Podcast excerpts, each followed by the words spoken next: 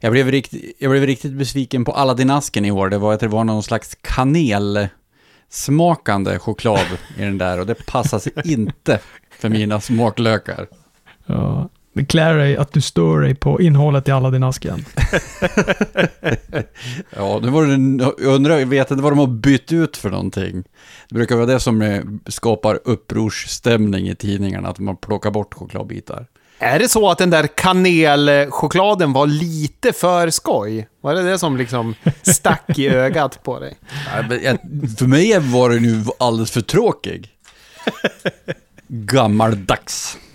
Ja. Äntligen sitter vi här igen och spelar in.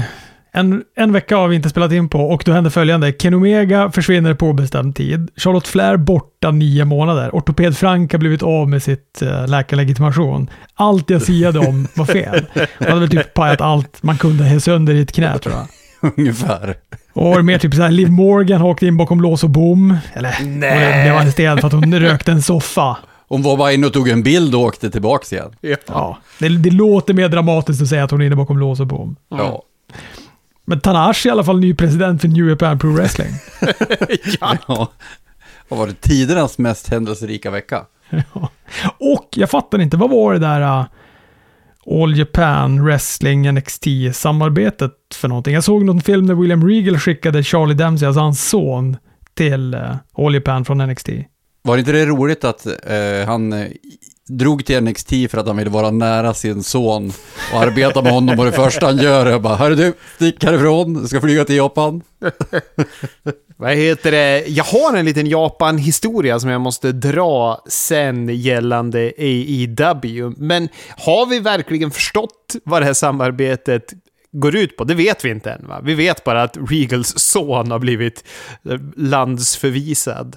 Nej, precis. Det är väl det som har hänt i alla fall, men jag antar att det kommer komma några talanger andra vägen också. Men det är ingen Forbidden Door-gala som de stänker ut med. I, inte än i alla fall. Men hela Japan samarbetar ju nu för tiden, så man vet aldrig. Kanske är något kryphål det här för att komma åt alla New Japan-brottare. För det var väl typ tio förbund eller någonting i Japan som skulle ha eh, gala ihop. Ja, du gjorde en liten NWA-grej och gick ihop. De eh, har ju varit lite bittrare fiender där borta än vad de är nu i alla fall. Nu känns det som att det är eh, lördag hela veckan eh, där i, i Japan. Och jag, det kliar ju i mig att få berätta den här eh, Baba och... Eh, eh, nu har jag tappat namnet på han. Mannen med halsduken som bitch-släpar Spiderman. Vad hette han? Inoki? Inoki! Precis! Vad heter det? Jag vill ju... Jag har ju haft mina historiska YouTube-videos när jag pratar historisk wrestling. Jag har inte kommit igång med det än i någon form av säsong två, men det finns ju så mycket att berätta om det här fiendeskapet i Japan. Det är så jävla intressant tycker jag. Men som du säger Anders, så verkar ju stridsyxan nedgrävd på väldigt djup nu i alla fall. Precis. Eh, men galan har inte varit än, så att de kanske hinner rycka ihop på nytt. De har ju haft problematiska galor när de var fiender också. När de blev ännu mer fiender på grund av att de hade galor tillsammans. För att det är så jävla mycket ära på spel och de vägrar att jobba åt varandra och så vidare. Så det kan ju verkligen barka iväg. Jag såg att Katsuyori Shibata i alla fall hade signat. Han hade blivit All Elite nu med, med liksom tillstånd från New Japan Pro Wrestling och sånt där. Jag undrar vad det är för tillstånd han har fått. Men betyder det att han inte kommer vara på Ring of Honor mer nu då, utan nu är, kommer han vara på AEW istället? Jag har ingen aning vad det betyder. Alltså jag, jag förstår inte vad skillnaden är på att han kunde vara på Ring of Warner men inte kunde vara på AW. Nej, Det vet ingen. Men det kan ju ha varit det sån här klassisk att han inte får visas i amerikansk tv så länge han var under New Japan-kontrakt. Eller något liknande. Och nu var det kontraktet slut och då signade han för AW. Alltså jag pratade ju på våran eh, Q&A som kom på uppesittarkvällen. Q&A kryddad med djärva förutsägelser. Jag vill bara också säga det, jag skulle ha sagt det då, men jag glömde bort att göra det, att vi fick ju lite tekniska problem med det här formuläret som man kunde skicka in frågor via hemsidan. Som pajade, så att jag vet inte ifall det nu är någon som känner att så här, men varför kom inte min fråga med? Då var det inte bara att vi ignorerade den, utan då handlar det om att den nådde aldrig redaktionen. Men då kan man skicka in den, så kan jag ju spara den till nästa år kanske, om den fortfarande är aktuell. Eller så tar vi den bara ad hoc i nästa avsnitt istället. Men det jag skulle säga med det, ja men då pratade jag om att, eh, att jag tyckte att årets besvikelse för mig var Ring of Warner. Vet, så kommer man hem, vi spelade in det där då två veckor innan, och så kommer man hem och så ska man kolla på den här uh, Ring of Warner-galan. Och så jag hinner inte ens trycka på play, så skriver Chris Dybeck till mig att den är fem och en halv timme lång. Och det är bara luften går ur mig. Jag, vet, jag orkar inte titta. Orkar inte ens trycka på play på skiten. Nej, nej men gud. Jag tittade lite, jag såg den sämsta wrestling-spotten jag någonsin sett i Black Taurus mot Vikingo. Sen, nej, inte ens Tony Nese mot Ethan Page kunde jag titta på efter det. Men den har ju fått väldigt bra betyg den här galan, rent stjärnbetygsmässigt. Ja, Meltzer var ju brygga under hela galan. Han tycker väl att det där var toppen. Och Man borde ju se den. Jag borde se den. Jag kommer säkert gilla den. Det har ju också hänt någonting med Dalton Castle där han har blivit helt dekadent. Och jag gillar tanken på det. Att han, så här, att han inte får upp de här påfågelfjädrarna i introt och liksom kommer in och bara ser, ja, ser dekadent ut. Men jag har helt missat vad det handlar om. Ja, det har ju varit roligt när Chris, han har ju varit arg över den där Black Taurus-matchen i chatten och sen så har man, vad heter det, lyssnat på Dave Meltzer som har varit så solig över att den var så himla bra den där. Eh, och så solig som han ändå var över den så var ju det bara den, enligt hans eh, ranking, den fjärde bästa matchen på den där galan. Så det var väl många bra matcher, tydligen, men vi har ju varit, vi, vi har tagit lite jullov ifrån Eh, det känns det som. Och det känns väl som att wrestlingen har tagit lite i allmänhet. I, i WWE då är det ju julshower och sammanfattning och allt möjligt. Så, eh, så jättemycket, där har det väl inte hänt. Vi har ju kollat på jul-Smackdown och jul-Raw höll jag på att säga, men det gjorde vi inte för det var ju till Best of Raw. Jag försökte. Först var jag lite så här, jag satt och åt mat så tänkte jag, men jag kan väl ändå slå på Best of Raw. Hur dåligt kan det vara? Och så dök Miss upp och då slog jag av. Så att, eh, jag har inte sett en sekund mer än att Miss dyker upp på skärmen och säger hej typ. Missa Men- din Black Taurus. Ja, Miss är verkligen min Black Taurus. Men Smackdown har jag tittat på och eh, jag vill citera dig Anders. Är det okej att redan ha tröttnat på Randy Orton? Och jag hör dig. alltså, det är någonting som snabbt började kännas ospännande med Randy Orton tycker jag. Det dog också lite för mig när han på då förra Smackdown sa att han hörde voices in his head that Roman crapped his pants. Jag förväntar mig mycket mer av Randy Orton. Mycket, mycket mer. Ja, och det känns också sådär som att han lite tillbaka i... Eh, det var ju ett tag han kände sig så himla trött på eh, och vara på jobbet. Eh, han... Eh, jag tycker inte att det ser ut som att han har roligt och han har varit där i tre veckor tillbaka. Eh, så det, jag vet inte vad som har hänt. Men han har ju så konstiga perioder, Randy Orton, för vi satt ju och hatade på honom ett tag och tyckte han såg ut som han inte ville vara på jobbet. Sen helt plötsligt var han ju det bästa som var på Raw ett tag. Sen så vart han trött igen. Sen så fick han vara kompis med Matt Riddle och då såg han ut och var lite lätt förvirrad och ha det roligt i alla fall. Men sen så blev han ju mer och mer less och sen så fick han ju åka hem och rehabilitera sig. Men ja, jag har förhoppningar för när han blixtrar till och är som bäst, då är det fan magiskt. Men ni har ju rätt. Jag försöker förneka att han är tråkig, men det går inte.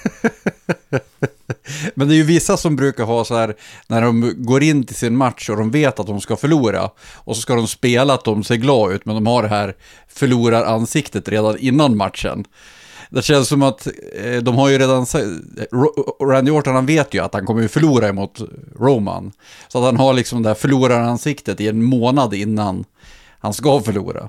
Ja, det kan mycket väl vara så. Undrar om han är så liksom James Stormig. James Storm ska ju legendariskt alltid ha liksom visat hur matchen ska gå när han kommer ner för rampen, för han kan inte ha ett pokerface. Och du kanske har slagit huvudet på spiken med det där Anders, med att det kanske är det. Det kanske är då Randy Orton är som tråkigast, när han vet att han går förlorande ur fejden. Ja, men som sagt, han borde, fortfarande vara lite... Det har ju kommit julbilder när han har fotat med familjen och då är han ju väldigt solig. Men sen när han är på jobbet, då är det det värsta som har hänt. Så jag, jag kan ju inte ha blivit trött på jobbet redan. Jag har ju varit borta hur länge som helst. Man kanske måste ta tillbaka Matt Riddle enbart för att stryka medhårs på Randy Orton. För det var ju verkligen som du sa Chris, han var ju typ bara förvirrad i början med Matt Riddle. Det var ju som att han var så här, varför ska jag hänga med den här karln? Och sen var det som att, att Matt Riddle växte väldigt mycket på Randy Orton och så bara älskade han honom och så blev han jättesolig. Och sen skadade han sig och varit hemma sedan dess. Ja, nej, vi får väl se. Vi fick ju också tillbaka AJ Styles. Eh, det är ju, han kom tillbaka då på förra Smackdown, men här fick vi ju lite mer av honom. Och jag vet inte, jag har- han har lite svårt att bottna i den här nya tuffing-gimmicken. Lång rock och prata, prata så här som jag gör ibland, när man försöker prata mörkare än vad man gör. Så här pressa ner rösten och så låter man som hon den här eh, tech-grundaren, vad heter hon, hon som åkte in i fi- finkan? Elisabeth Holmes. Så. Märkligt. Ja, den, den, den där, vad heter det, referensen gick över mitt huvud. Jag känner inte henne, men Mitt med, den bara flög. Man brukar hänga med i dina Killinggänget-referenser och så här. Då börjar man liksom kunna komma ihåg, bara vuxna människor, just det, den filmen. Här någon jävla tech-kvinna med mörk röst. Nu, nu, nu skrapar det i botten av tunnan. Ja, ja. Ni som vet, ni vet. Men eh, det blir ju då eh, match på Smackdown New Year's Revolution nästa vecka, alltså 5 januari. Smackdown nu då som är typ, när ni kanske kollar på det här, ifall vi har tur, om jag klipper snabbt, så är det väl en best of där också. Men LA Knight, Randy Orton och AJ Styles i en triple threat, där vinnaren då får Roman Reigns på Royal Rumble. Blir Randy Orton? Är det så klart att det blir det? Ja, det blir det. han kommer vara ledsen ett tag till. ja, ja, det, jag tror Anders har sniffat rätt på det här. Jag tror att det där är grejen. Jag är helt, jag är helt uppe i varv av, att- av att vi kan ha knäckt koden i när Randy Orton är tråkig. Ja, men vi kommer, det betyder kanske att vi kommer få se eh, den soliga Randy Orton efter, efter Royal Rumble då. Exakt. Jag tyckte också det var snyggt när Roman hade åsikter om den här bokningen till Nick Aldis. När Nick Aldis bara, vad han sa att Adam Pearce var en mellanchef och han är en riktig chef. Och att han ser fram emot den här triple threat-matchen. Han ser fram emot matchen på Royal Rumble mot Roman. Och han ser fram emot att lära känna Roman bättre. Och så bara ser man att Roman blir helt stekt och att Nick Aldis tar sig ton på det där sättet. Jag tycker de bygger Nick Aldis bra. Alltså han, de kan inte köra med honom. Han är inget fån. Det här är toppen. Det var nog bra att de hade Roman i två veckor här, att de, de spelade ju in eh, vecka två liksom, så de kunde använda Roman igen. Eh, och det var väl bra, som sagt, dels för att bygga eh, upp eh, sin framtida match mot eh, Randy och alla möjliga som det ska vara, men även för att bygga på Nick Aldis. Men annars som sagt så tycker ju jag att eh, det var ett ganska träligt Smackdown nu, men det enda som jag riktigt gick igång på var ju Carrion Cross videon eh, och att de hintar eh, i och för sig så väl tycker jag att Authors of Pain är tråkig också men, men eh, hela att eh, Karen Cross ska ha ett stall med sig och att det kanske blir eh, Authors of Pain då, så han och Scarlett och så var ju Paul Ellering med också i siluetten där i alla fall. Så vi får väl se om han stapplar med också. Kanske där fräna dockan som du tycker så mycket om, Anders, kommer tillbaka också. Ja, tänk dig. Nej, men jag håller väl med. Det var ju, alltså, men det var ju också ett ganska klassiskt jul... Eh, alltså en julversion av Smackdown. Det var liksom någon hardcore-match som de kallar för Holiday Bash. Det är liksom så här, de slåss bland julklappar och paketinslagna stolar och julgranar och det är någon maträtt som ska kletas in i ansiktet och kleta ner håret på någon. Det var ju den här äh, Bailey, Aska, Kairi Sane och Gio mot Michin, Bianca, Selina Vega och Shotzi. Men alltså, jag tyckte ändå att det var ganska... Jag tyckte ändå att det var okej. Jag tyckte att det var bra för vad det var. Jag satt och åt pepparkakor och drack glögg samtidigt, så jag var väl kanske på ovanligt gott humör samtidigt som jag tittade på det här. Och vad rörigt det vart i mitt huvud. För jag trodde, för jag har ju inte sett det här Smackdown, men när Anders pratar om, om Authors of Pain, Paul Ellering, Carrion Cross, och så säger du Robert direkt att det var ett typiskt julsegment. Och jag bara, vad fan hade han en julpromo? Men sen styrde du iväg det ganska rätt. Och jag varit väldigt förvirrad varför Anders tyckte att Carrion Cross när han har en julpromo är det bästa på Smackdown. Det låter ju så jäkla förvirrat. Men okej, då är jag med. Ja. Men om du ska se någonting på Smackdown så är det de där, den där 45 sekunderna med Karrion Cross tycker jag. Välproducerat. Jag tycker också att Kevin Owens mot Carmelo Hayes-matchen var bra. Ja. Kevin Owens avancerade i den här US-titelturneringen. Ni vet, den som pågår på Smackdown. Man blir, så man blir liksom påmind om att den existerar varje gång som det blir en match i den här titelturneringen. Och eh, Santos Escobar puttade ut Bobby Lashley från eh, turneringen med hjälp av två maskerade tjommar som hoppade på Street Profits utanför ringen och det distraherade då Bobby Lashley så han kunde bli upprullad av Santos och vinna. Det visade ju sig då vara nu då Los Letharios som var de här eh, Kung! maskerade tjommarna och kommer väl då vara ett stall med Santos Escobar får vi anta. Vad glad jag blir. Det låter ju som att det var, hände en del roliga grejer på Smackdown ändå. Ja, den här matchen var dock inte bra. Den var jättedålig tycker jag. Det är någonting med Bobby Lashley, att han så här, det är också att han typ så här ska sälja att han är liksom lite skadad i knät eller någonting, men då upphör ju all annan typ av säljning, säger man, försäljning. Alltså han kan liksom inte spela någonting annat överhuvudtaget. Då är det liksom bara det här knät som man kan gå omkring och halta på. Bara, men Bobby Lashley, du blir slagen i tinningen, sälj det. Nej, nej, nej, jag har ju ont i knät. Så det är det jag fokuserar på. Komplicerat att ha flera saker eh, i huvudet samtidigt. Jag känner, känner igen mig i honom. är du den här poddens Bobby Lashley? Tydligen. Jag visste inte det innan, men tydligen är jag det. Ja. Och sen var det ett main event mellan AJ Styles och Solo Sikoa. Som ändå var bra, men det var typ, pågick i åtta minuter och sen kom Roman Reigns in och det blev en diskvalifikation. Så det var lite klassisk WWE-bokning. Mm. Precis. Vad Dragon Lee och Butch gick ju också match. Den var ju toppen, Anders. Ja, Kort det, men det, toppen. det var den och de eh, hintade väl att eh, eh, Pete, Pete säger jag, Butch han ska ju ha in en ny tag team partner. Så att eh, det eh, våras väl för Tyler Bate på main roster antar jag. Om det inte är Sheamus som är på väg tillbaka. Ja, han kan, kan och så skulle det väl kunna vara också. Men jag vet inte vad Ridge Holland, fejdade inte han med Dunne? Han har ju försvunnit nu igen. Han är inne på NXT, han är inne på NXT och bryter nacken på folk. De gjorde väl det på Ilja Dragunov va? Det var väl... Ja, det var, för, alltså, det var ju, eh, ja precis, det var ju en angle bara. Men folk trodde ju, trodde ju att eh, Ilja var skadad på riktigt. Där, och var arg på Ridge Holland igen. Han eh, kan inte göra sådana där angles för att han skadar alla tydligen. Men det var ju konstigt det där. Han härsknade på Butch och så sen så blev det aldrig någonting av det. Han lämnade honom mitt i tag till matchen och sen har de inte gjort något mer på det va? Skicka honom till NXT gjorde de. Jag tror att det var planen. Han var inte redo för main roster. så här, två år efter att han hade kommit upp. Men för er då som inte har sett, för er Chris Dybeck-människor där ute som inte har sett Smackdown så blev ju eh, Butch påhoppad av Pretty Deadly backstage. Och det, Nick Aldis satte då upp en match mellan Pretty Deadly och Butch och valfri tag team partner.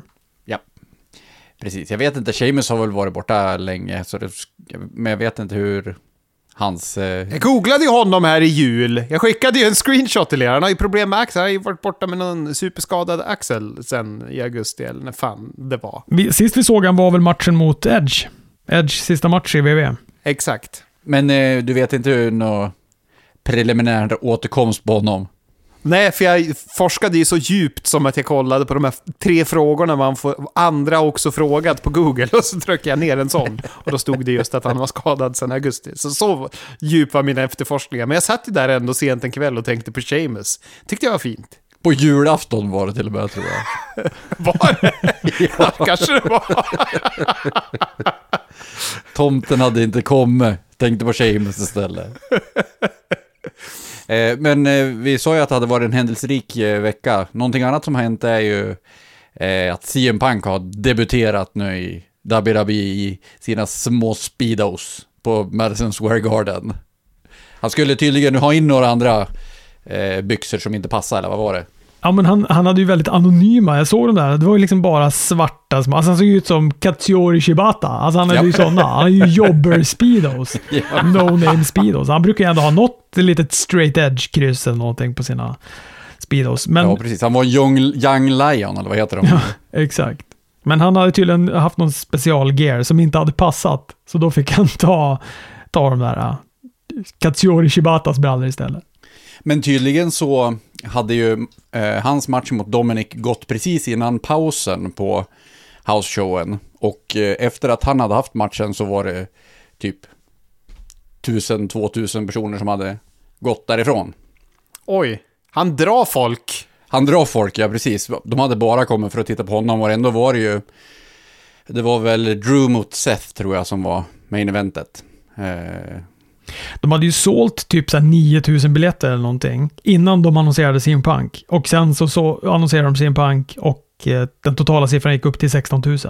Det är helt galet. Han fick ju något så här plakat av Madison Square Garden såg jag. När han såg väldigt solig och glad ut när han tog emot det. Han känns ju verkligen glad nu när man ser de här backstage-klippen. När man såg när han fick gå in i Madison Square Garden också. Han berättade att sist han hade varit där var när han såg Misfit och Rancid spela på, ja, på scenen där inne på Madison Square Garden. Han bara verkar må gott nu tycker jag. Det är härligt att se. Ja, han, vad heter det, han eh, har ju en väldigt eh, pratglad advokat nu för tiden.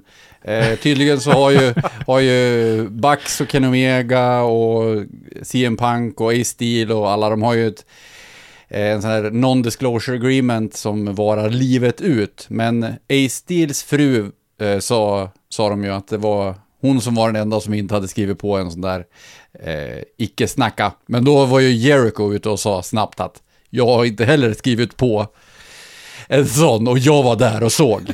Och så har det varit fade mellan alla möjliga. Och han gjorde ju det här på Twitter då. Han har gjort det på Twitter. Han har svarat alltså CM Punks advokat på Twitter om det här. Och det är ju även Jim Cornettes advokat. Så att han har väl ett starkt horn i sidan mot AEW. För han är ju en riktig Cornette-fanatiker, den här eh, advokaten också. Så han lyssnar väl på den podden på hög volym varje vecka. Det satt, vad heter det, Chris Jericho gjorde på julafton. Tweetade till höger och vänster. Ja, det var också julafton!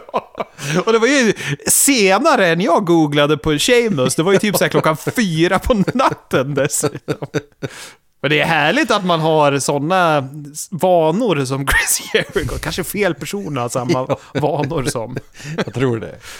Man undrar ju hur mycket Brian Danielson satt och bötfällde Jericho där. Såg ni att han hade gett böter till Rocky Romero för att han hade en ögonlapp utan att han hade ett skadat okben? Ja, precis. Det är ju hans gimmick nu på, på Twitter att han ska ge Ja. böter till alla. Det är ju roligt. Jätteroligt. Ja, jätteroligt är det. Det har varit mycket Brian Danielson på AEW. Vi fick ju på Collision en match mellan Brian Danielson och Claudio Castagnoli. Där fick vi också vår första draw i den här eh, Co- Continental Classic-turneringen. I den matchen av alla. Jag måste suttit liksom och väntat på att det ska vara i, ja, jag vet jag, massa andra matcher, men så kom den i den här matchen. Men eh, Brian tog sig ändå till finalen i och med den oavgjorda poängen som han fick. Och jag tror att i och med att han fick poängen här äh, så eliminerade han Brody King också från att vinna. Eller fan, det kanske han inte gjorde i och för sig. Han hade väl sex poäng. Det hade ju Eddie Kingston också. Ja, ah, strunt samma. Brody King förlorade i alla fall mot Daniel Garcia. Så att, eh, ja, han åkte ut där. Och Daniel Garcia fick sina första poäng i turneringen också. Det här satt jag och tittade på julafton, det kommer jag på nu, för det här satt jag och tittade på. jag hade väldigt mycket wrestling på julafton. Jag och Jericho, vad härligt. Eh, men som sagt, eh, vi har varit bråkiga på den där eh, turneringen här och jag tycker att det är skönt att den börjar närma sig sitt slut för att den tar upp alldeles för mycket plats på programmen. Men jag tycker ändå så här när man ser tillbaka på den så har den byggt eh, upp de här personerna som har varit med i turneringen. Det är ingen som har kommit ut sämre. Ja, nog för att Briscoe och eh, Jay Lethal, de fick ju liksom inga poäng, men eh, ja, Briscoe fick väl poäng innan han spöade Lethal då, men ja. Eh, men eh, som Daniel Garcia, han var ett, hade ju en resa liksom i att han bröt ner sig själv och sen vann han på slutet och eh, det var, var inte så många som behövde se dålig ut. Det var många som klättrade på den tycker jag det känns som. Sen ska de bygga vidare på det då. jag tycker att ni har, varit, eh, ni har varit så himla aviga mot den här och jag känner inte alls att jag är glad att den är slut. Jag, jag kommer sakna den. Jag tycker att alla matcher har varit toppen och eh, ja, men som jag sa, alltså den har liksom inte varit sådär slentrian som WWE håller på med sin US-turnering, US-titelturnering. Man bara, ah, okej, okay, just det, den pågår. Och som sagt, jag blir liksom påmind om att den ens existerar så fort jag ser att, ja, ah, just det, det är en match i den här US-titelturneringen. Den gör ingen avtryck alls, men den här Continental Classic-grejen har ändå fått, den har varit tongivande och den har gett mycket avtryck. Jag kommer sakna den. Jag tycker den har varit bra och jag hoppas att den blir längre nästa år. Så här, problemet är ju att han bokar ju bara matcher resten. Och de här tar upp så otroligt mycket. De tar ju upp 40 minuter per två timmars show ungefär med intron och matcherna för de ska ju alltid vara långa, de kan ju inte sluta tidigt.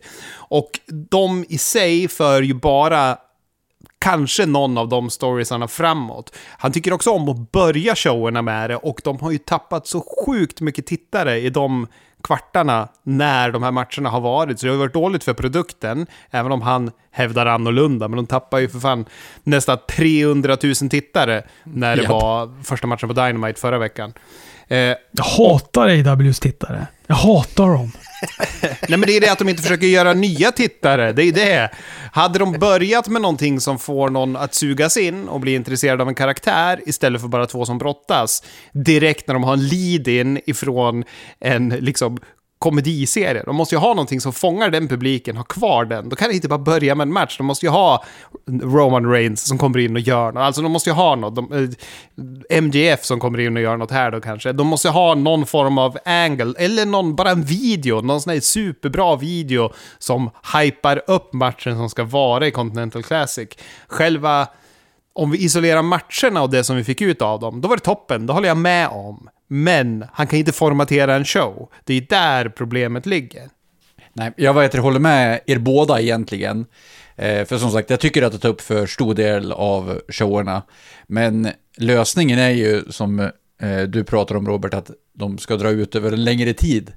Eh, de kan ju börja liksom en månad innan eh, som turneringen ska dra igång, att de börjar annonsa att den här personen ska vara med och den här personen ska vara med, by börja bygga upp att ja, men då börjar den och sen så kör de den här turneringen i två och en halv månad eller någonting. Och så har de färre matcher hela tiden.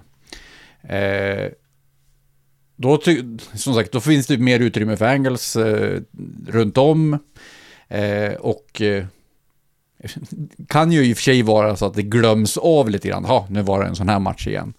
Men eh, jag tror ändå att om man eh, hypar upp det bra och vad heter det, har det under en längre tid så kan det bli ännu bättre. Men eh,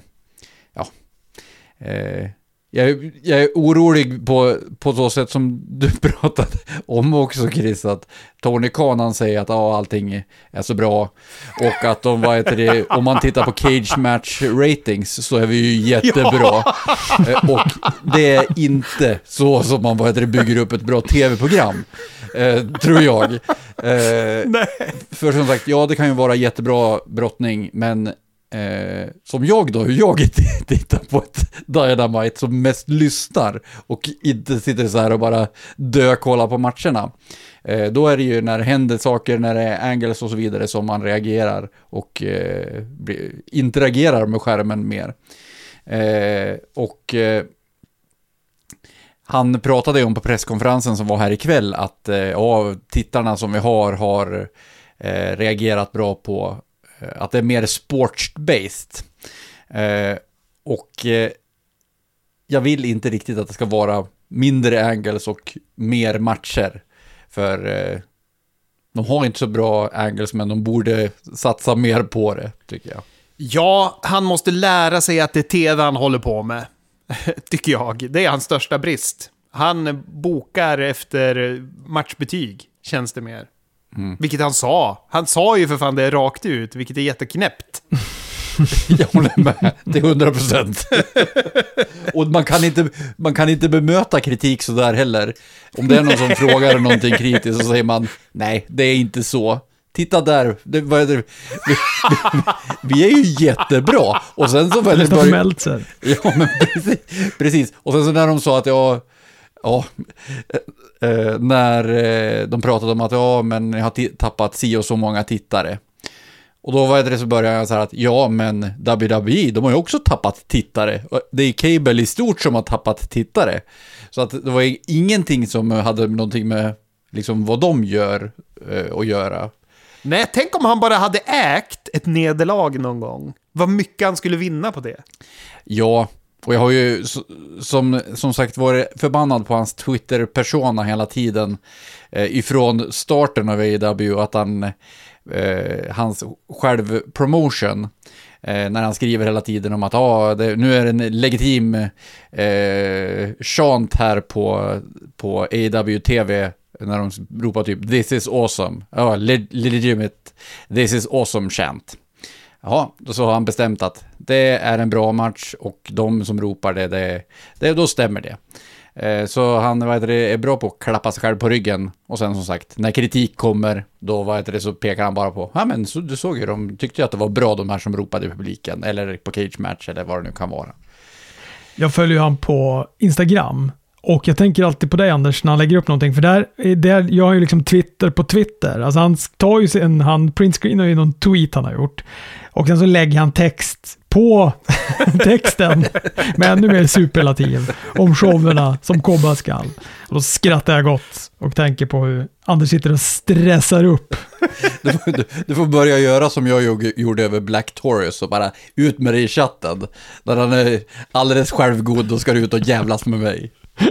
Vad heter det? Det går ju rykten om att han sitter och kollar Twitter i Gorilla Position. Att han sitter där och följer interaktioner från fans, hur de reagerar och att han är mer fokuserad på det än på vad som pågår i ringen. Att han är, det är därför det kommer sådana där tweets under showerna och det här är ju vad olika källor och rykten säger då, så är det många wrestlare som är superless på det. Att det är tydligen Twitter som gäller, att det inte är viktigt med produkten där och då, utan det är viktigt att uh, ha en, en Twitter-hype, att man ska liksom trenda, att man ska få bra reaktioner där. Ja, men det måste väl vara någon slags robot eller någonting som skickar ut de där tweetsen. Eh, för eh, han, det är ju exakt samma ord hela tiden som han använder. Eh, nog för att han själv är väl kanske en robot, jag vet inte. Ja, men och det är väl någonting som är, det känns som att det är någonting på gång också, för det är väl väldigt många som slutar och vad var det senaste nu? Var det Matt Jacksons tjej där som har varit med sedan starten som också nu lämnar efter World's End? Hon vägrade skriva på förlängning på sitt kontrakt för att hon tyckte att de hade kastat Young Bucks under bussen, enligt Dave Meltzer. Men och sen har väl också, vad heter han, MJF har väl också varit ute och snackat om, att han inte har skrivit på det där förlängningskontraktet, som vi alla tror att han har skrivit på. Ja, ja, jag, som sagt, jag tror ju fortfarande Alla det. utom din näsa, du har ju hållit på att nosa på det här Anders tidigare, så att Ja, jag vet, tycker att det är eh, konstigt om det är så att han har skrivit på och de har kört med den här angeln hela tiden, att det är Bidding War of 2024, så tycker jag ju att det måste, eh, det ser väl bra ut för AEW om de bygger upp det som att, ja, det ska, vad heter det, vara, att han ska dras åt olika håll, och han väljer AEW i slutändan. Nu tänker jag hoppa in i den här igen, för den här har vi ju pratat om många gånger förr. Jag lyssnade på när Eric Bischoff och John Alba hade eh, djärva förutsägningar, likt oss. Och likt eh, Wrestling Observer är det väl det taget ifrån, ifrån början. Ja, precis. Våran kära Brian Alvarez. ja. Men då sa John Alba typ det jag sa, att anledningen till att han tror att MGF har skrivit på för ganska länge sedan, eh, en av anledningarna är att det helt plötsligt blev så tyst kring det. Att då fanns ingen anledning för MGF att hålla på och köra den och att det var hans angle som han körde med. Ja, att det, var, det är MGF som har pushat för den menar du? Ja. Ja, men då, då känner jag att Tony Khan som promoter borde ha varit Nej, men vi kör på med det där. Det kommer se bra ut för mig. Jag tror ju inte man får det. Återigen så är de ju publicly traded WWE. Jag tror inte han får hålla på och säga så. Men han behöver väl inte nämna WWE? Man kan ju väl säga att han kommer vara populär, populär på marknaden. Eh, som sagt, jag vet ju att de, de, de eh, räds ju inte för att prata om WWE i vanliga fall. För det gör de ju till höger och vänster. Så att det kan väl inte vara någon skillnad att han, att han eh, liksom hintar om att han är poppis på marknaden. Han har ju pratat om Triple H flera gånger. Om att han ska vara en good guy. Ja, vi får se. Jag och John Alba tror i alla fall att han har skrivit på. Ja, jag tror också att vad heter det, han har skrivit på, men jag tycker att det är så märkligt att de inte eh, kör mer på det. Det är okej att prata om det när han inte har ett kontrakt, men när han har skrivit på ett kontrakt, då är det inte okej att prata om det. Men när ska hans kontrakt ta slut i sådana fall? Är det första januari eller? Ja, enligt honom så är det första januari. Tidigare var det i alla fall. Ja, får se. Förlorar han titeln på World's End, då kanske, kanske det ligger någonting i den då, Anders. Ska bli spännande att höra vad du har tippat. Ja, jag har inte, jag kommer tippa live tror jag, men eh, jag eh, tror att det är mycket möjligt att han kan förlora titeln också, och, men samtidigt vara kvar, men, men eh, om jag ska säga nu så tror jag att han vinner. Eh, vi vi ska väl prata Dynamite. Jag vill bara också säga att jag tyckte att Keith Lee mot Brian Cage var en oväntat bra match på Coalition. Och det är väl min nya vurm för stora brottare. Det är jag och amerikanerna som är så jävla förtjusta i när stora brottare möts. Men också att det mynnar ut nu då att vi får Keith Lee mot Swerve Strickland. Äntligen! Efter månader av uppbyggnad. Ja, jag vet inte om jag känner äntligen alls kring den, om jag ska vara ärlig. Ja, vad heter det, som sagt, eh, eh, den skulle ju ha varit för länge sedan, men jag tycker inte att det har varit så jättemycket uppbyggnad kring den, nog för att han har ju eh, hintat om att det är Swerve han har varit ute efter. Men det känns väl som att eh, det är på tiden i alla fall att de har den där matchen och att de får det där spöket som har varit över att matcherna aldrig blev av, att de får bort det spöket lite grann. Eh, De byggde väl ganska hårt för den. Sen försvann ju Keith Lee, som var borta och så hände ingenting. Sen kom han tillbaka och då började han hinta och så sen försvann det igen. Och sen har han inte pratat om det förrän nu när han pl- han plockar med det här, äh, den här tegelstenen i ringen. Precis. Och han kom in i en eh, rosa, eh, en rosa tomteluva också. Det tyckte jag var lite udda för Keith Lee liksom. Han var en rolig kille helt plötsligt. Ja, med jätteseriöst ansikte. Han var bara rolig mitt uppe på huvudet. Resten av huvudet, inte roligt. Jag trodde ju kanske att eh, Keith Lee skulle vara inblandad i eh, öppningsmatchen. Alltså triple threaten i Continental Classic. Då ska vi säga guldfinalen var det va? John Moxley mot Swerve och Jay White. Att han skulle lägga sig i där. Men han, det var ju också det märkliga att han pratade ju, hintade ju om på Collision att han skulle vara på Dynamite. Och sen bara, jaha? Inte bara hintade, han sa väl rakt ut “Jag kommer på Dynamite” och så sen hade han skickat ett kontrakt till Tony Schiavone istället. Ja, pre- precis, men han, han sa ju att ja, han, han är här, eller om han kommer, men jag, jag har fått kontraktet liksom. Så att, eh, men så han var ju aldrig där. Det var sjukt konstigt. Nej, det där var märkligt. Mycket, mycket märkligt. Men det var en jävla bra match i alla fall. Swerve, Jay White och John Moxley. Som Moxley vann. Gud vad de inte behandlade Jay White som att han betydde något i matchen tyckte jag. Han fick ju mest komma in och ta smällar och rulla ut och ligga och vila och sen komma in och göra något. Sen ta en smäll och rulla ut och ligga och vila. Det var ju verkligen inte spotlighten på Jay White i den här matchen. Vilket är konstigt, han har ju varit så jävla hög på Jay White. Innan hade Tony Khan. Men det var som att Jay Whites uppgift var att skydda Swerve i den här matchen. Ja, typ. Det var definitivt inte att bygga upp honom i alla fall. Men eh, man får väl hoppas att eh, Bullet Club kommer tillbaka lite grann nu. Eh, de har ju varit lite borta, eh, Guns har ju varit borta och eh, Juice är väl skadad tror jag. Och sen som sagt Jay White eh, har varit, haft fullt upp med den här svarta hålet till turnering som inte har några angles runt sig. Eh, så vi får hoppas att eh, det byggs vidare på Jay White. Han är eh, verkligen någonting för framtiden för dem. Innan vi går vidare i resten av det här Dynamite, har vi pratat om Von Eriks som var med förra veckan? Det gjorde vi aldrig va? De var väl på Rampage förra veckan? Jag har inte sett det Rampaget. Nähä! Och samtidigt på Ring of Honor var de. Så har du sett det då, Anders? Eh, jag har eh, sett, eh, ja, sett, inom parentestecken, den matchen. Ja, okej. Lite grann har jag sett. Men jag tycker att de har en bra look. De har ju superbra look, tycker jag. Det är ju det bästa de har. De är ganska grön som brottar, men de har ju bott på Hawaii och legat under kontrakt på MLW. De har haft lite svårt att få bokningar tydligen. Men nu har de ju en bröllopsfirma i Texas. Så nu kommer de kunna brottas mer på heltid då. Men jag vill bara berätta, jag tyckte det var fint apropå filmen Iron Claw och eh, som handlar om deras familj och lite om hur de gjorde när de bestämde sig för att satsa på wrestlingen. Och då var de ju över, deras farsa skickade ju iväg dem till eh, Pro Wrestling Noah i Japan. Det är där de har tränat. Eh, och då var de så här, eh, bara, äh fan, vi kan inte det här. Det är ju, vi är ju, vi suger, vi kommer inte kunna bära upp Von Eric-namnet. Så de satt uppe på något tak där på dojon och var helt så här bara, äh fan, fuck. Det, kommer vi klara det här? Uh, så hade de ångest. Den ångest som typ alla Von Erics har känt genom åren.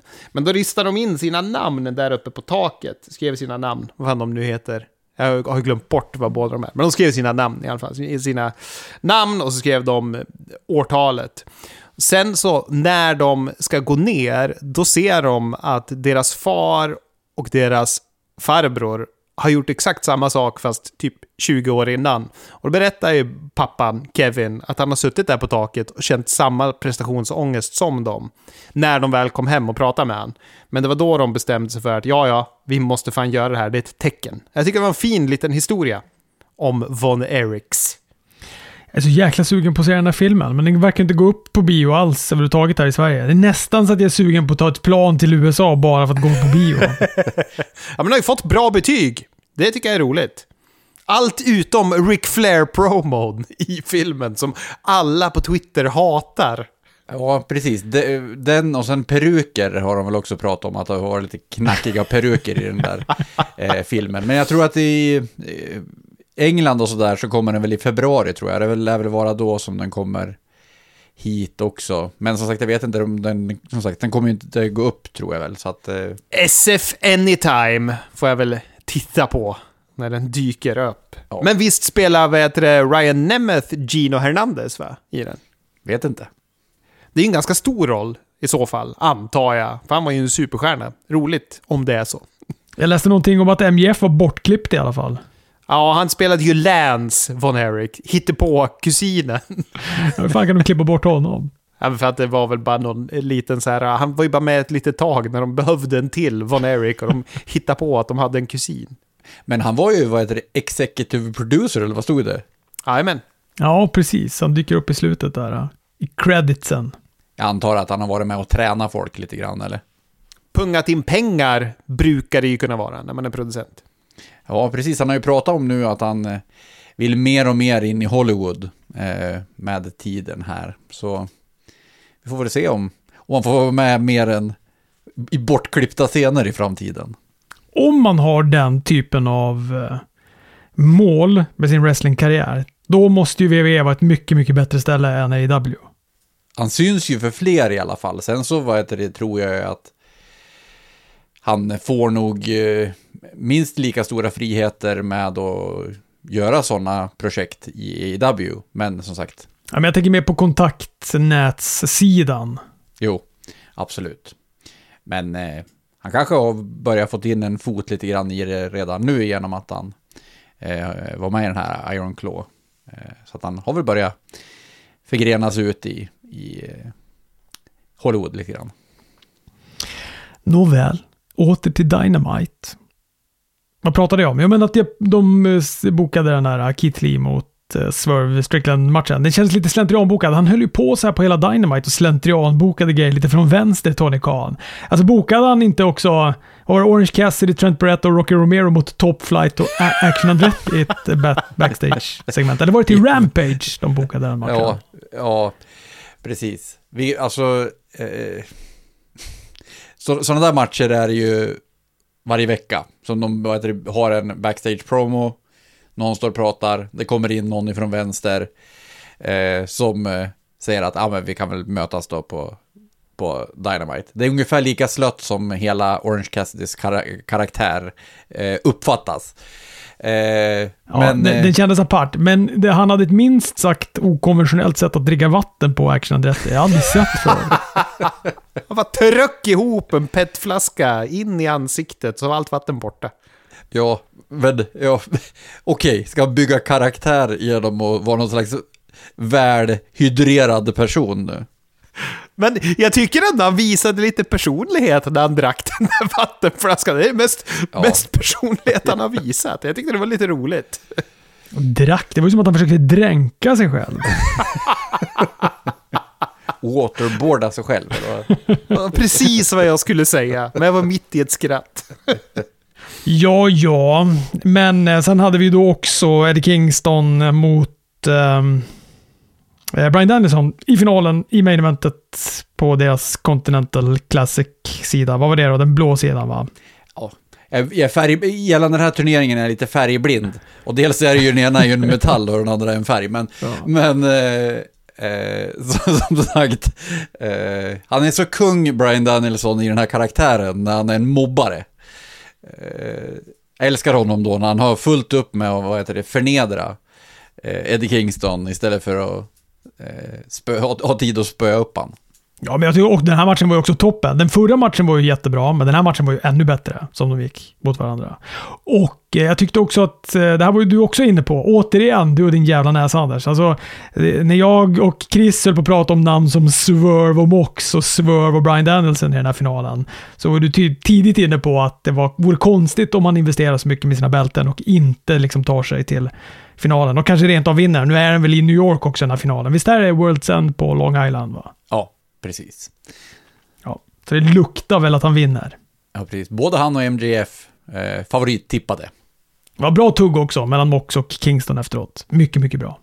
Ja, den är, den är ju automatiskt eh, byggd den där matchen eh, genom att de har en sån lång historia eh, bakom. De behöver liksom inte bygga den så mycket nu för att alla, alla de här som gillar sportsbaserad entertainment, de eh, är ju är ju brygga när det är den här. Och det är jag med. Men jag är inte i brygga gällande World's End när jag sitter och tittar här på, på tipset. Och jag tittar på matcherna bara så här. Så är det ju... Och nu tänker jag skylla på Continental Classic. För det är ingen hetta i någon av fejderna ju. Förutom, ja men Christian och Adam Copeland och så Continental eh, Classic-finalen och vad som kommer, ja, det är väl hetta mellan Samoa Joe och MJF, men det känns ju som Samoa Joe är en biroll. Vi kanske måste prata om att han tappade Ring of Honor-titlarna förresten. ja, jag tänkte precis säga det. Alltså, det. Det sved ju i mina ögon att Edge hade tråcklat på sig en mössa gärna på Dynamite. Men det sved inte så mycket i mina ögon att uh, djävularna, små djävularna, jävlarna, ja, jag vet inte vad man säger. Att de, vad är ni kallar dem? Minioner? Vad fan är minioner? Det är de här gula sakerna i någon film va?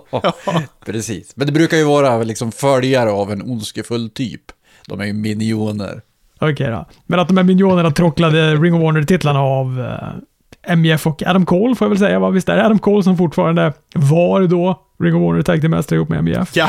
Jag, det var ju liksom en storyline-match från start till slut det här. Jag kom aldrig ut, låg nedslagen backstage. MJF tog matchen själv. Jag förlorade efter att en, ännu en mini djävul, minionjävul, fanns under ringen och fuskade till sig vinsten. Och efter så haltar ju då Samoa Joe in, ska hjälpa MJF, men då dyker storjävulen upp på skärmen och skriver “Pleasure doing business with you”. Och då ser man då Samoa Joe slå ner MJF bakifrån med en stol. Att allt har då varit i, i maskopi med Samoa Joe från dag ett. Mm. Jag tyckte det var en bra krydda. En, en snygg liten eh, skarv på, den här, på det här upplägget. Det behövdes också inför matchen mellan Samoa Joe och MJF. Jag håller med. Jo, det behövs ju att det tar slut med den här skiten, med jävlarna, eh, känner jag. Men, eh, eh, som sagt, det är ju spännande att eh, eh det var den här pleasure do, doing business-grejen då. Och eh, det är ju Adam Cole hela tiden som har pressat på eh, MJF att han ska samarbeta med Samoa Joe. Eh, så det är väl eh, 99% chans att det är Adam Cole som är djävulen antar jag. Sen får vi väl se om han stapplar in med kryckor på, på World's End eller om det har läkt nu då. Ja, måste ju vara Adam Cole. Jag vet inte vem annars. Jag tror att jag kommer bli besviken vem annars de än visar upp som djävulen. Ja, det, jag, jag börjar bli lite sådär förvirrad över vilka de här minionerna är. För... Eh, ja, vilka är det som är tag team-mästare under masken, tror ni? Ja, det, som sagt, en av dem där såg ju lite grann ut som Mike Bennett, men det kändes inte som att den andra var Matt Taven. Det är nu de skulle gjort en cool grej, att det är New Japan-brottare, att det är Naito under masken eller någonting. Det är därför det inte pratas, det bara skrivs. Och så är det New Japan-killar som kommer in. Det är Gorillas of Destiny eller någonting som har tagit titlarna. De har ju skägg, ni pratar ju om skägg och är stor och bitig. Och så är det New Japan-invasion. Det hade väl varit coolt. Jag förstår att det inte är det, men det hade jag bokat om jag var Tony Khan. Det var ett... Det dök ju upp en bubblare på eh, X här i, eh, efter igår, ja idag då. Eh, Alex Hammerstone ifrån MLW, han eh, skrev att ja, det var länge sedan vi var på en bild tillsammans när det var de här minionerna och så MJF.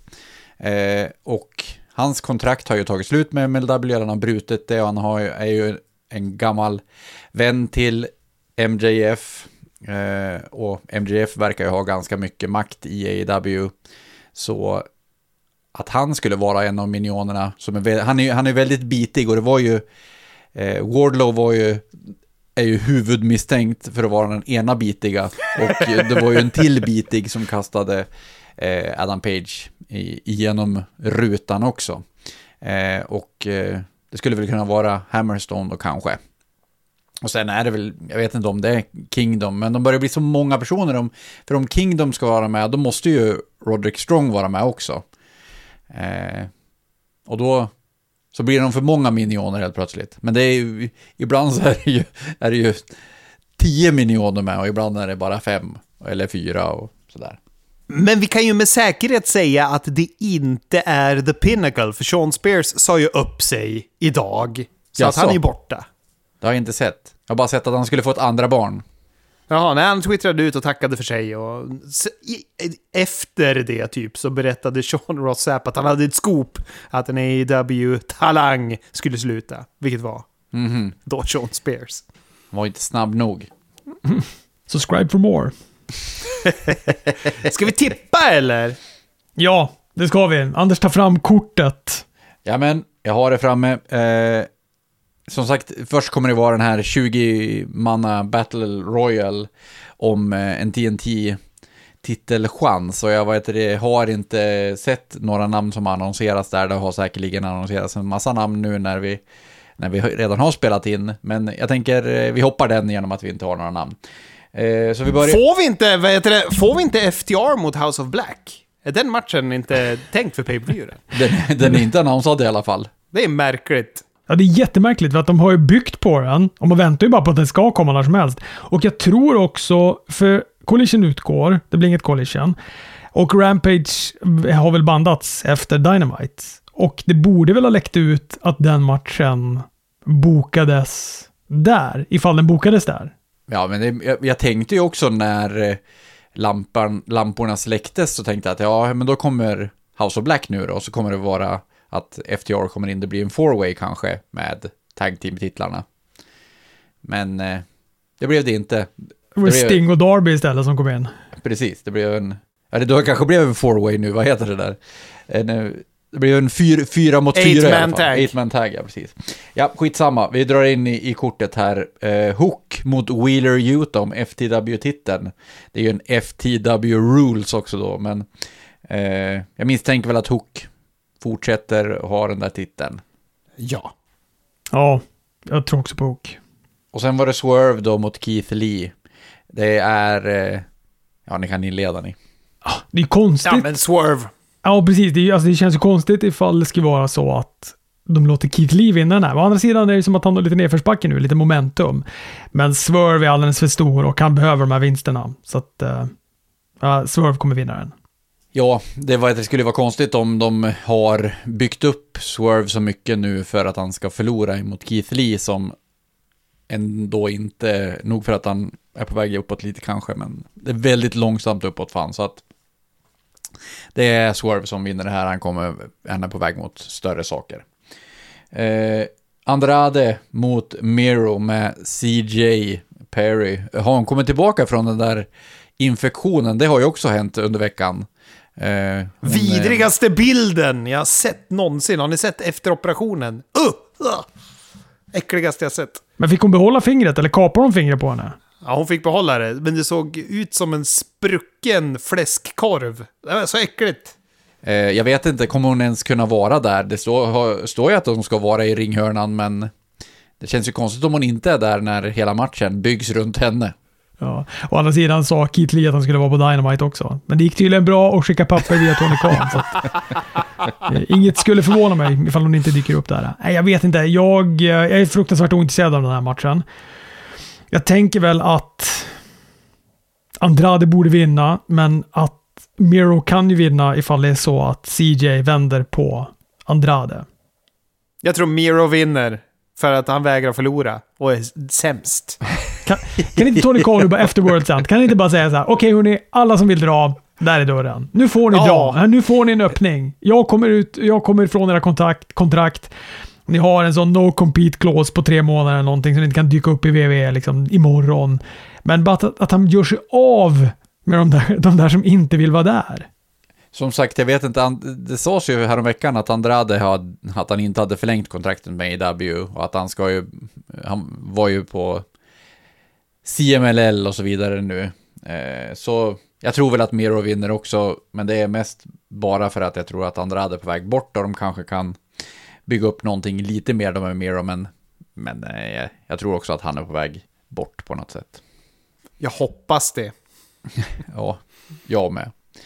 Eh, den här eh, Chris Jericho, Sammy Guevara, Sting och Darby Allen mot eh, Ricky Starks, Big Bill, B Kyle Fletcher och Powerhouse Hobbs. För kunde de inte bara satt Sting, eller vad heter det nu, Regist eh, vad heter han? Sammy Guevara och Jericho emot eh, Starks och Big Bela istället? Varför var de tvungna att blanda in så många brottare? Ska inte Darby, han ska väl vara borta och klättra i berg? ja. Nej, men det är för att Kyle Fletcher ska kunna ta pinnet så att ingen annan behöver se svag ut nu när de inte har Kenny Omega och de kan flytta titlarna till dem. Då behöver de sätta in någon som kan ta pinnet. Så därför vinner face-brottarna och Kyle Fletcher ligger på rygg när det är slut. ja, Sting kommer väl inte förlora i alla fall eh, på vägen emot eh, Revolution, tror jag. Eh, så, och det var väl, då behöver de inte ta titeln ifrån ifrån eh, Big Billy Starks tag-teamet. Eh, så jag tror nog att du kan vara inne på någonting där, att det är Kyle Fletcher som kommer ta pinnet också. Men eh, de får sluta och törna Sammy Guevara. Han har ju törnat tusen gånger. Lika många gånger som Big Show har han törnat nu och han är fortfarande lika ointressant. Ja, precis vad jag skulle säga. Och han, ja, han måste ju vara heel för att han kan ju inte vara face. Han är ju så ogillad av fansen också. Det sitter liksom så djupt rotat i dem, så även när han liksom kramar Chris Jericho i det här segmentet på Dynamite, efter att han har blivit så orimligt arg för att Don Callis ger en tavla där hans barn är med. Jag fattar inte. Det var en konstig logik i det där också. Precis, jag sitter där bak och har, vad heter det, eh, Don Callis när han har tagit Chris Jerichos huvud. Det är den som står här bakom mig. Det var ju en riktig sådär elak tavla. Men nu så var de ju alldeles glada tillsammans med hans barn. Och Sammy Guevara har ju själv lagt ut en massa bilder på sitt barn. Så Det är nu jag ska komma med någon sån här jag som förälder och så, som när det var när Hangman sprang hem. Men nej, jag har ingen logik här. Det var bara dumt i hela huvudet det där. Eh, Julia Hart mot Abaddon. Julia Hart, 100%. Och Chris nya favoritbrottare, Abaddon. Tänker bara på dig Chris nu när jag ser henne. Ja, men jag gillar Abaddon. Jag tycker hon blir bättre varje gång hon brottas. Men självklart Julia Hart hela vägen här. Statlander och Sky Blue gick ju en ganska spännande match ändå på, på Dynamite. Den började väl lite halvkackigt, men det blev ändå väldigt bra till slutet. Och Sky Blue, hon har den här Code Blue uh, Canadian Destroyer-varianten som jag tycker är otroligt tjusig. Plus att hon fick vinna den matchen. Det var bra. Ja, helt sjukt att hon fick vinna. Superöverraskande var det. Ja, jag vill, det, vi vill dock höra din eh, reaktion på eh, kunde, du, kunde du heja på Abaddon när Thunder Rosa var i teamet?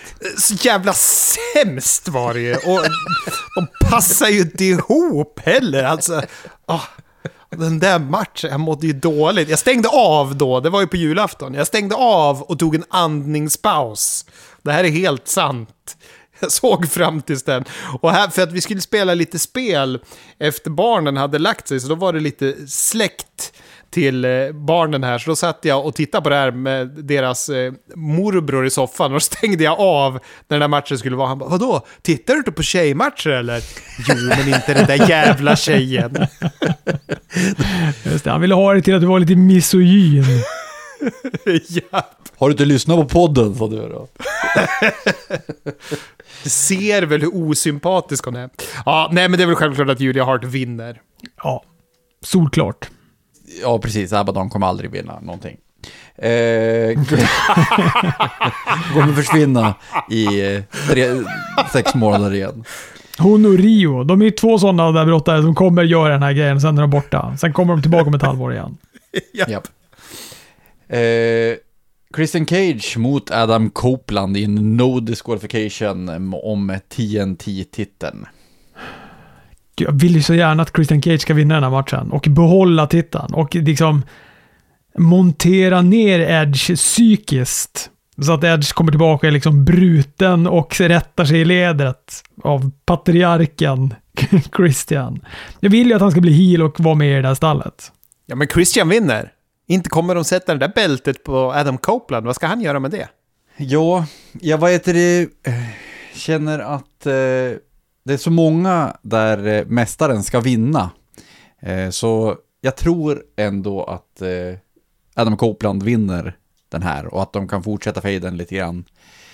Eh, om titeln där och Christian kan jaga Adam Copeland istället.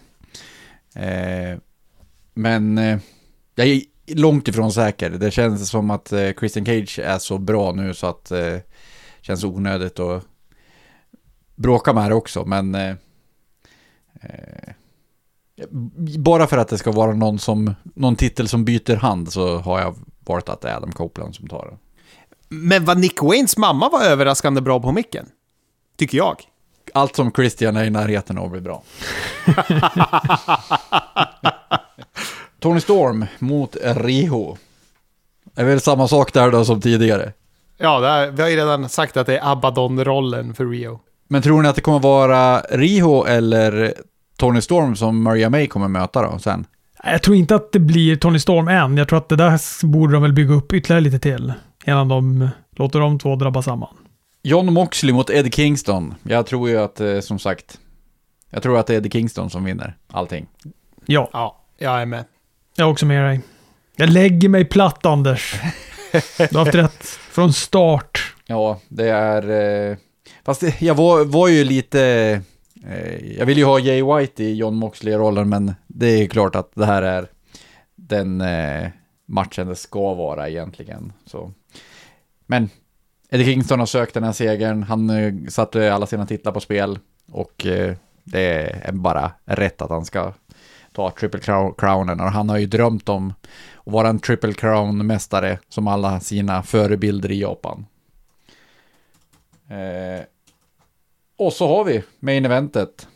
MJF mot Samoa Joe. Det är som Chris säger att det, är det är inte så många matcher som är sådär pirr i, pirr i magen eller. Eh, men jag tror att MJF eh, vinner här. Jag också. Jag tror också det. Ja, jag tror också det. Det vore konstigt om det liksom allt är och så bara mynnar ut i att Samoa Joe tar titeln. Om det inte hade varit så att de visste att MJF inte skulle fortsätta efter det här och planen var att Adam Cole skulle ta titeln här av MJF. Och så bara, du vet, måste de tråckla av han titeln för att han kommer lämna förbundet. Men jag tror inte att det är så, utan nu är jag bara freestylar min hjärna. Jag tror också att MJF vinner. Jag Ja. kommer tippa det. Eh, och eh, det är liksom, de har ju byggt upp hela den här djävulsgrejen så långt så det måste ju bli en fade liksom mellan MJF och den här personen som eh, är djävulen då. Om det inte är honom själv. Men Men det kan ju inte vara han själv. Han kan ju inte betala Samoa Joe för att slå han med en stol. Då är han ju dum i huvudet. Ja, nej, men eh, det jag tror ju som sagt att det är Adam Cole. Men eh, då skulle det ju kunna vara att han har utnyttjat Samoa Joe Eh, för att eh, nöta ner MJF så långt, men han vill ju fortfarande ha titeln, så att då så vill han ju att titeln ska vara kvar på MJF eh, tills han kan ta den själv.